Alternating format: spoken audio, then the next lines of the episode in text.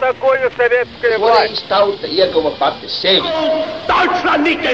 Liktenīgas nejaušības un slēptas likumsakarības, subjektīvas patiesības un objektīvi aizspriedumi.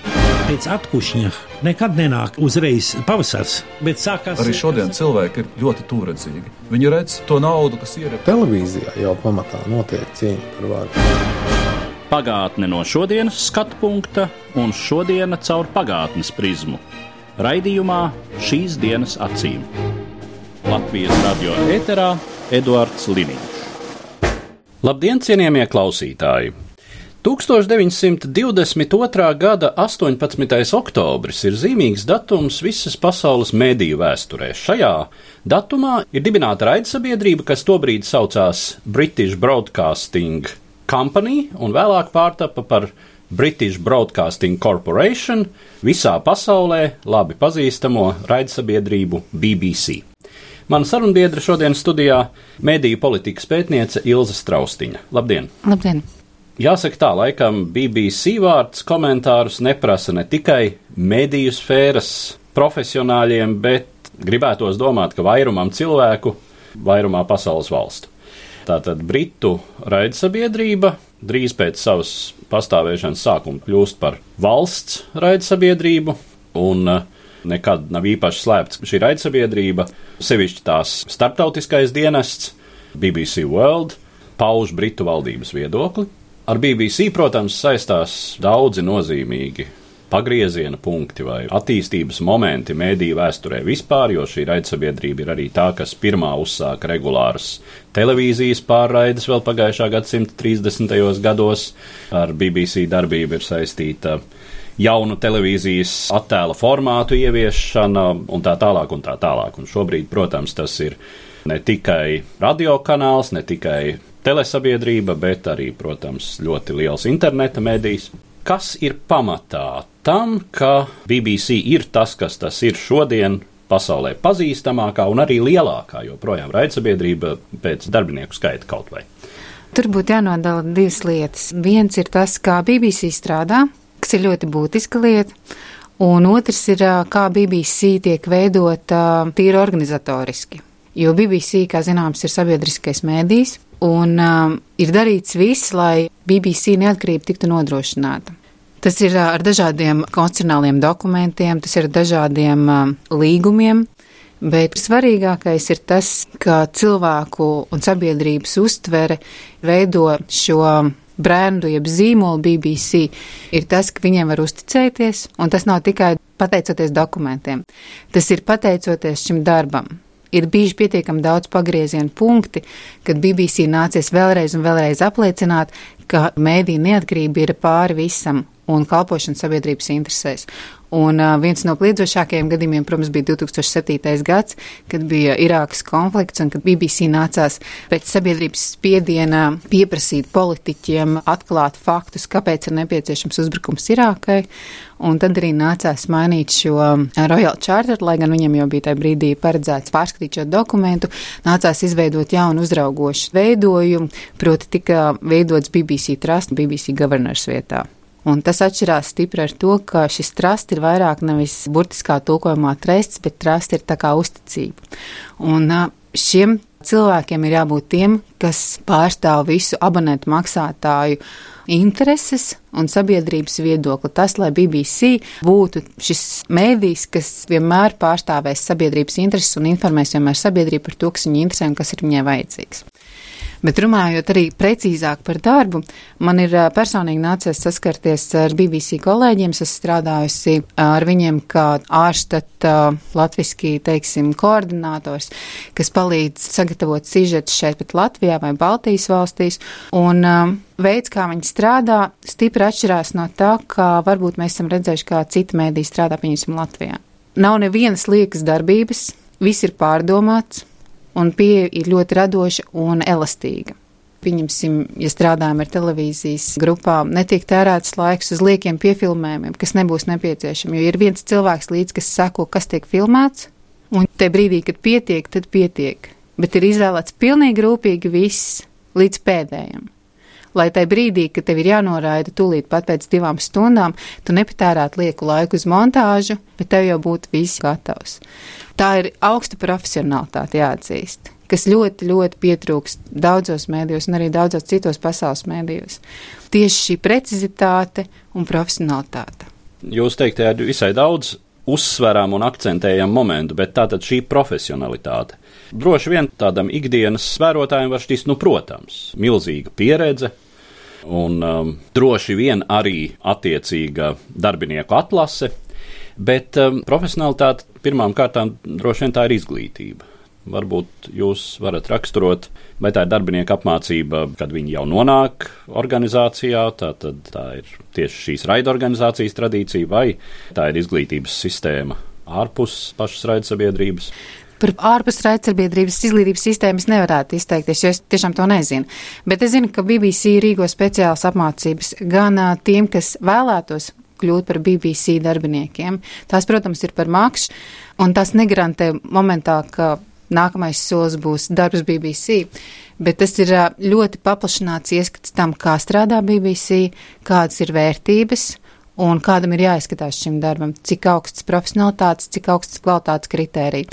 Otra lieta ir tā, ka BBC nenonāk no skolas soli, ja tu neesi izgājis tiešām to apmācību pietiekami precīzi un labu, tas nezinu, kādam veiksmes gadījumam tam ir jābūt vai kaut kādam ļoti ārkārtējam. Bet ir arī ļoti daudz apmācības arī jau esošiem BBC darbiniekiem. Viņi regulāri izsludina kā prakses vietu, jo man pašai ir aicinājuši no Maskavas biroja kolēģi teikšu, brauc uz Maskavu mācīties pie mums par producentu.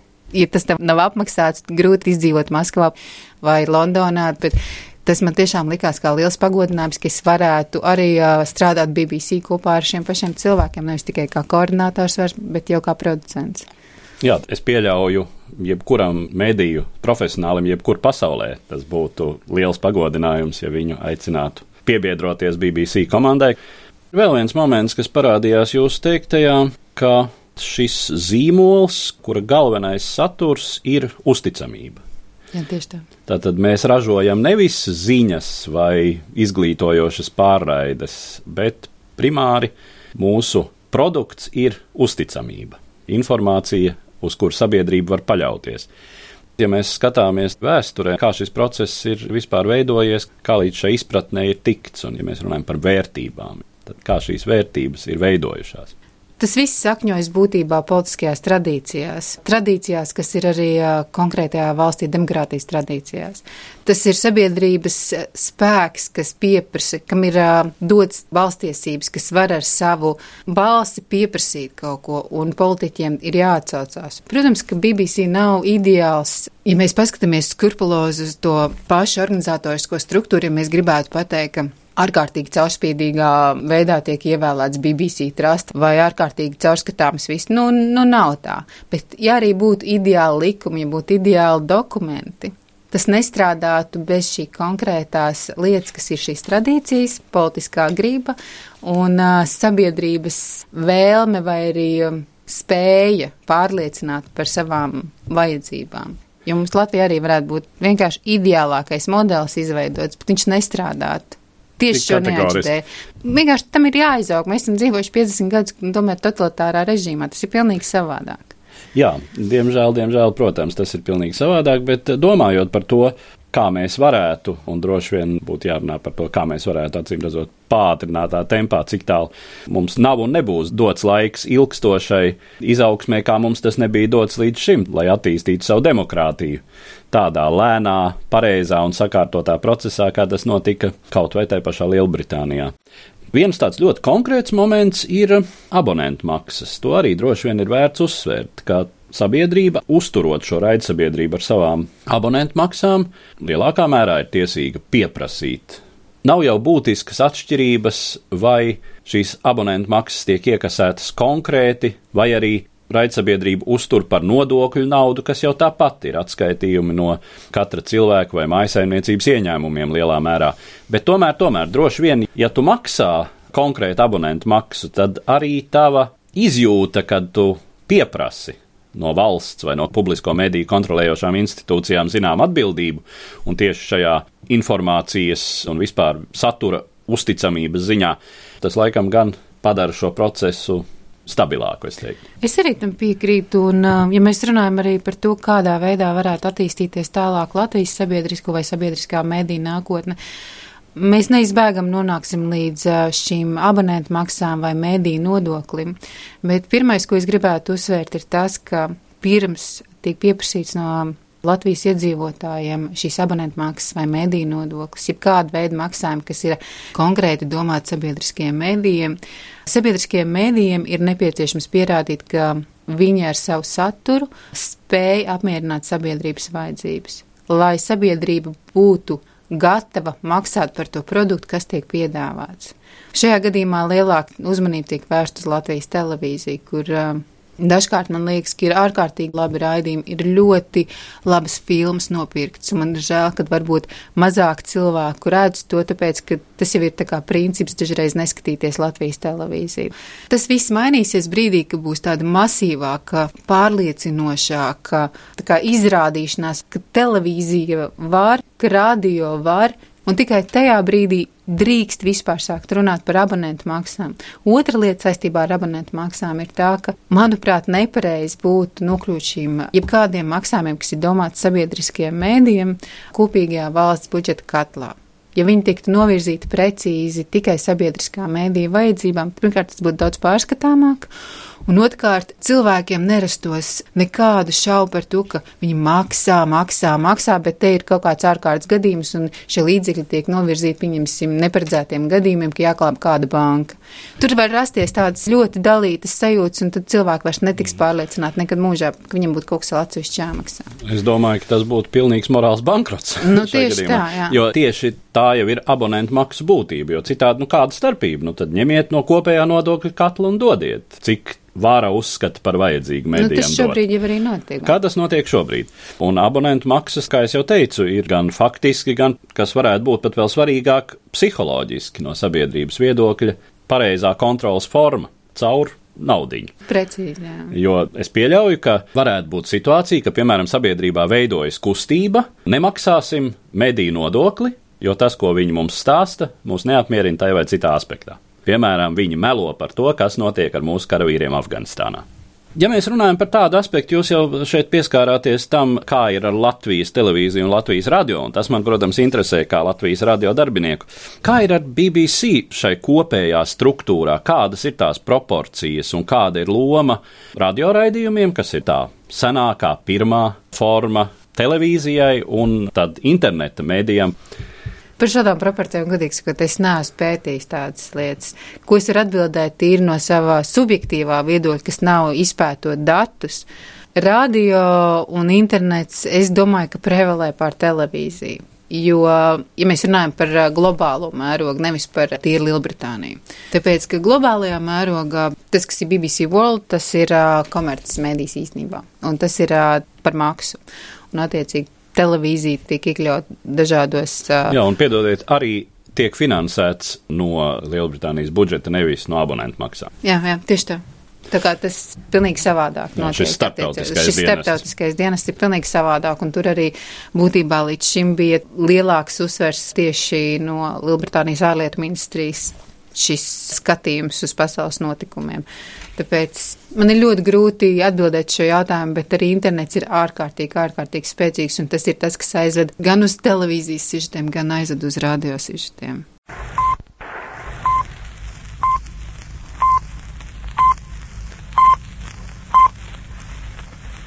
This is the BBC Home and Forces program. Here's the news. This is Wilfred Pickles reading it. 1944. gada 6. jūnijā, kad sabiedroto spēki izsēdās malā Vācu okupētajā Normandijā, BBC klausītājus no karadarbības zonas informēja korespondents Hovards Māršals.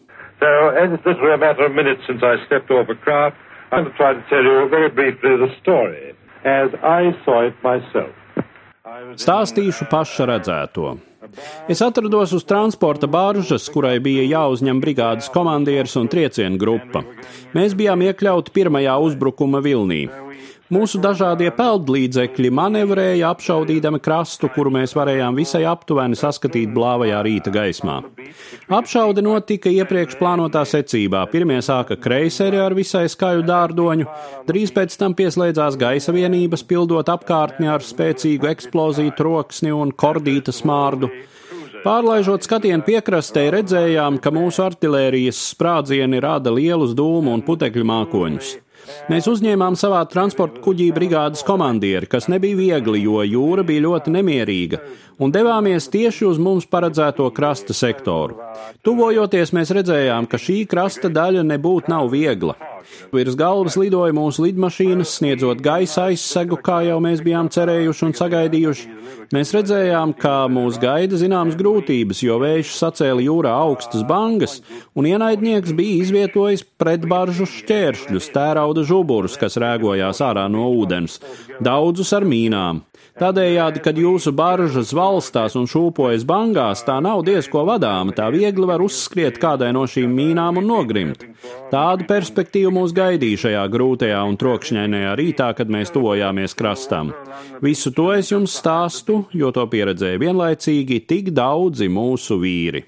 You've been listening to BBC correspondent Howard Marshall speaking to you from London.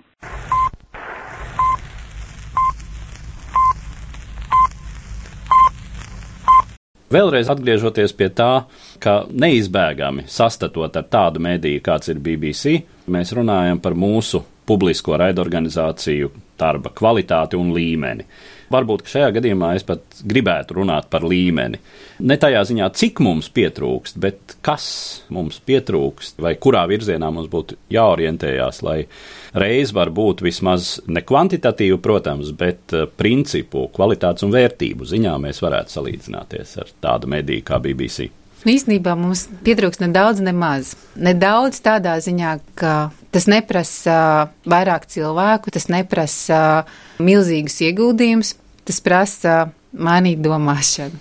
Tas prasa pieiet lietām radošāk, veidot jaunus formātus, saprast, kāds ir tās sabiedrības prasības un kas ir tas, kas atvedīs šo informāciju līdz viņiem vislabākajā un ērtākajā veidā. Vai tie ir ziņu raidījumi, dažādi modificēti, vai tie ir uh, jauniešiem speciāli domāti raidījumi, bet tieši tas formāts, kādā veidā pasniegt šo informāciju un nodot līdz skatītājiem, klausītājiem vai lasītājiem, ir tas būtiskākais. Un tas ir tas, kas, manuprāt, pietrūkst visvairāk sabiedriskajos mēdījos šobrīd Latvijā jo mums ir ļoti seni iestrādāti formāti, kas ir darbojušies līdz šim, bet paudzes mainās.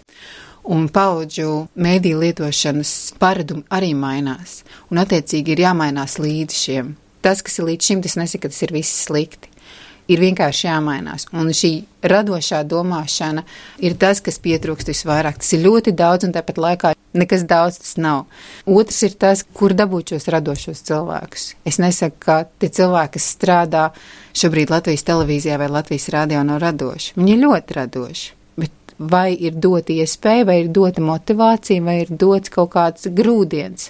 Tas arī ir jautājums. Vai ir iedota informācija, kas ir vajadzīgs sabiedrībai, kādā veidā viņi sapratīs labāk, un tad balstoties šo informāciju var veidot jauns formāts. Un tas ir arī veids, kā īstenībā sabiedriskiem mēdiem pelnīt, jo iziet starptautiskajā arēnā ar jauniem formātiem. Jaunie formāti, kas tas ir?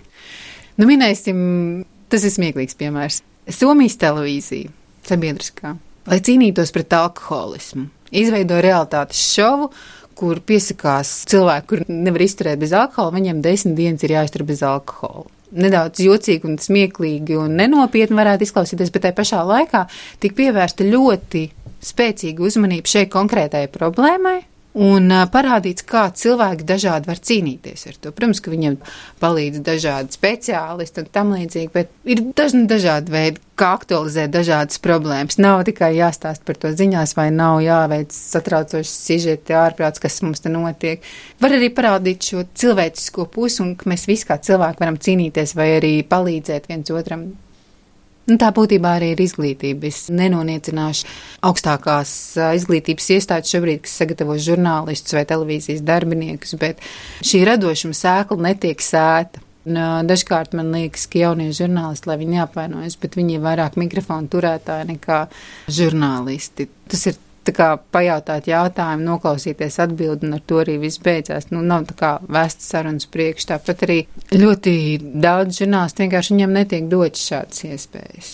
Viņi ir iestādīti savos rāmjos, kādos viņiem ir jāstrādā, un tā kā nav nekādas izaugsmas iespējas. Protams, tas arī atdurās ļoti bieži pret naudu. Tātad, kā ļoti daudzās sfērās, laikam, gan Latvijā, mēs diezgan neizbēgam nonākam atkal pie tā paša izglītība, izglītība un vēlreiz izglītība, kas jebkurā jomā veido cilvēku domāšanu un veido personību. Varētu tikai teikt, nu, lai izdodas tiem, kuri šobrīd mēģina reformēt Latvijas izglītības sistēmu, jo tas acīm redzami ir nepieciešams. Es varu teikt, ka šī nav pirmā saruna šai studijā un šai raidījumā, kurā kāds saka, ka visa pamata pamats ir izglītība un pat ne augstākā, bet pamata izglītība, pamatskolas, vidusskolas izglītība.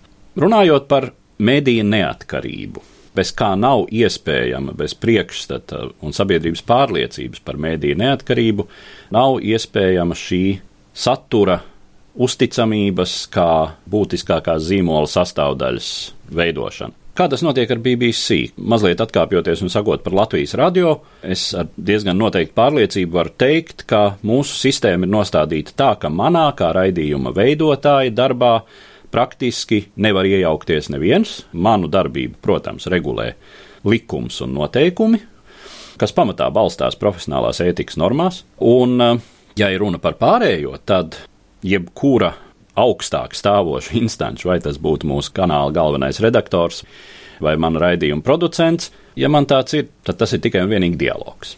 Man kā raidījuma autoram vai redaktoram vai komentētājam Latvijas radio neviens nevar pateikt, ko man būs sacīt un ko man nebūs sacīt likuma noteikto normu ietvaros. Kā tas ir ar raidsabiedrību BBC?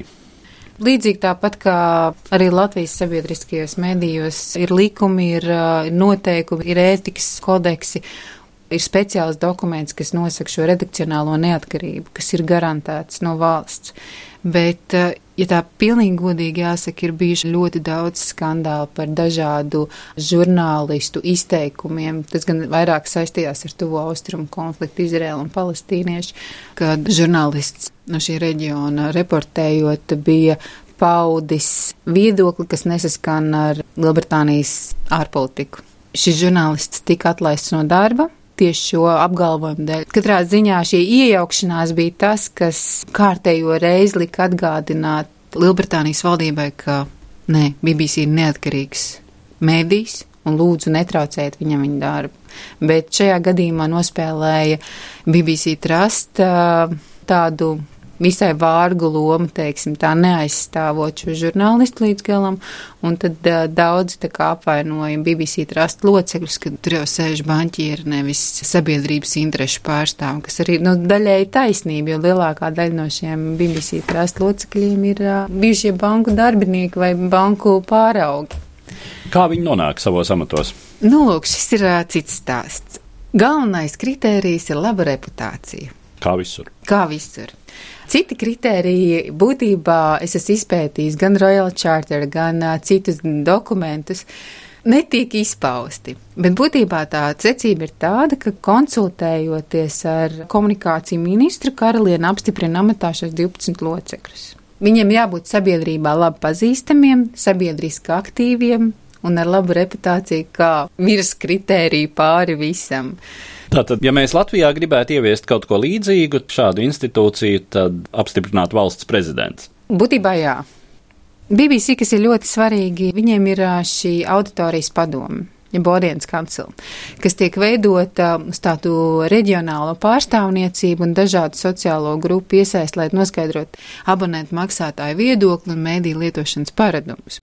Viņu ieteikumi un viņu konsultācijas, lai arī viņi nav saistoši nekādā veidā, viņu padomi BBC Trust, ar viņiem ļoti rēķinās. Un šie cilvēki, kas ir auditorijas padomēs, viņi tiek rekrutēti, ir izveidotas speciāls reģionālās auditorijas padomas, lai būtu kas pārstāv Angliju, kas pārstāv Velsu, Skotiju, Ziemeļīriju. Bet tam tomēr ir konsultējoša funkcija. Tam ir konsultējoša funkcija, bet viņi piedalās pie stratēģijas rakstīšanas, pie dažādu lēmumu pieņemšanas kā konsultatīvs elements. Un arī viens no BBC trust locekļiem Tas gan ir noteikums, ka ir jābūt, kas pārstāv šo reģionu, un viņam ir jāpierāda savu ciešā saiknē ar šī reģiona sabiedrību, ka viņš pārzina šos nepieciešamības, šīs vajadzības, tiešām niansēs jau. Cik produktīvs varētu būt šāds modelis Latvijas gadījumam? Nu, redziet, Latvijā ir mēģinājums jau tādu veidot, kas ir sabiedriskā konsultatīvā padoma, bet šajā gadījumā tajā iesaistīts ir NVO, kas pārstāv dažādas intereses. Un šobrīd es veidoju, man liekas, ka vairāk kā 40 biedrus. Ir ārkārtīgi grūti panākt to, lai tiešām atnāktu šīm sapulcēm kvorums. Ir ārkārtīgi dažādas intereses, un kā pie NVO ir arī ambīcijas spēles, teiksim tā. Un tā ir daļēji cīņa par varu. Tāpēc es to vairāk nosaucu par tādu dekoratīvu elementu, mazāk par jēdzīgu. Ja būtu šī padome mazāka, izveidota varbūt pēc citiem principiem, nevis iesaistot tikai NVO, bet tiešām sabiedrībā aktīvus cilvēkus, kas grib paust viedokli, kuriem ir tiešām pārliecinoši argumenti, kāpēc tas vai cits strādā labāk vai sliktāk, tam būtu daudz lielāka jēga, manuprāt. Faktiski te mēs laikam nonākam pie jautājuma, ap kuru varētu teikt šī saruna rotē visā tās gaitā, kā sabiedrība uztver savu publisko mēdīju, ko sabiedrība no tā sagaida. Droši vien, ka tad mums ir jājautā atšķirība mēdīja lomas un uh, funkciju uztverē Britu sabiedrībā un Latvijas sabiedrībā. Kāpēc mūsu sabiedrībai, es pieļauju, mūsu sabiedrisko mediju liktenis un loma ir daudz vienaldzīgāka un nešķiet tik būtiska? Es domāju, ka tas ir veidojies kopš 90. gadiem, kad Latvija atguva neatkarību. Un tad ienāca tirgu daudzi komerc mēdī. Šo komercmediju piedāvātais saturs ir ļoti kairinošs sabiedrības citu interešu vai vajadzību apmierināšanai, kas ir pēc ļoti lielas izklaides, pēc absolūts aizmiršanās, cita nozīmīga informācija paliek jau tāda sekundāra. Vai mēs varētu teikt, ka patēriņš ir jā, jā, jā. Un šie sabiedriskie mēdīji līdz ar to kaut kā noslīdēja otrajā plānā. Lai kā arī censtos, es varētu teikt, līdz kaut kādam 2000 gadam vēl vismaz Latvijas televīzija. Vismaz ziņu dienests strādāja ļoti entuziastiski, ļoti pārliecināti. Tiešām tam bija rezonants sabiedrībā, un tas viss kaut kā sāk ar vien izplēnēt, izplēnēt, izplēnēt. Tam ir vairāki iemesli, kā jau es minēju, šie komercmēdīji, ar savu piedāvāto saturu ir ārkārtīgi spēcīgs iemesls, kas Lielbritānijā, pieņemsim, nu, ja viņiem jau bijuši ir šādi veidojumi, tad cilvēki tā kā izkristalizē, kas viņiem ir vajadzīgs, kas viņiem nav vajadzīgs, un būtībā, ja viņam sabiedriskais medijs, par ko viņi maksā, iedod viņiem to, ko viņi grib un sagaida, un kas viņiem palīdz, vai viņus veido, tad tas ir savādāk. Mūsu sabiedriskie mēdīji mazāk veido, mēs informējam vairāk. Mums ir ļoti maz tādu veidojošu raidījumu, tādi, kas ir vērsti uz izaugsmu, uz attīstību. Bet es domāju, ka ar laiku viss būs mums tikai. Ir jāsaņemās, jāmaina pašiem savu domāšanu, jāpiet daudz radošāk. Ir. Mums nav jākonkurē, es jau runāju, mēs. Nav jākonkurē. Nav jākonkurē ar uh, izklaides raidījumiem. Nav jākonkurē ar uh, raidījumiem, kas ir tādi ļoti virspusēji. Tie, kas tev veido, tie, kas tev palīdz kaut kādā veidā attīstīt savu domāšanu, tiem būs ļoti vērtīgi. Un es domāju, ka ar laiku viss tiks novērtēts. Šobrīd arī tas, ka ir uh, ienākusi jauna paudze ar pilnīgi savādāku domāšanu. Ir jāpamaina arī īstenībā to darbinieku apjoms, kas strādā uz jauno paudzi, kas vairāk saprot. Protams, ar tiem veciem profesionāļiem, kas var dot padomus, jo tie ir absolūti neatsverami. Jo to, ko cilvēks ir iemācījies sev 30 vai 40 darba gadu laikā, to jauns cilvēks, kas ir ienācis tikko radio vai televīzijā, nu, nekad to nezinās. Par internetu šobrīd es nerunāšu, tāpēc, ka internets, nu, pats būtībā ir kā jauns mēdīs Latvijā, un, un šie vecie profesionāļi vēl tādi, nu, nevar viņus uzskatīt par veciem, ne gadu ziņā, ne arī tādā ilglaicīguma darba.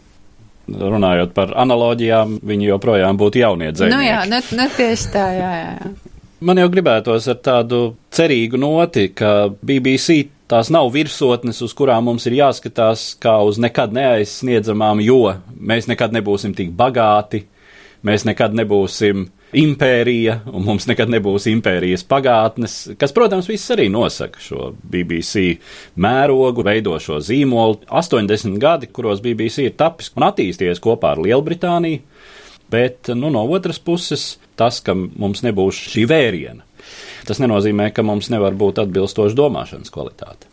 Pilnīgi noteikti. Un es arī gribētu teikt, ka BBC nevajadzētu uzskatīt par griestiem, kā jūs teicāt, virsotnēm. Mēs varam sasniegt vēl vairāk.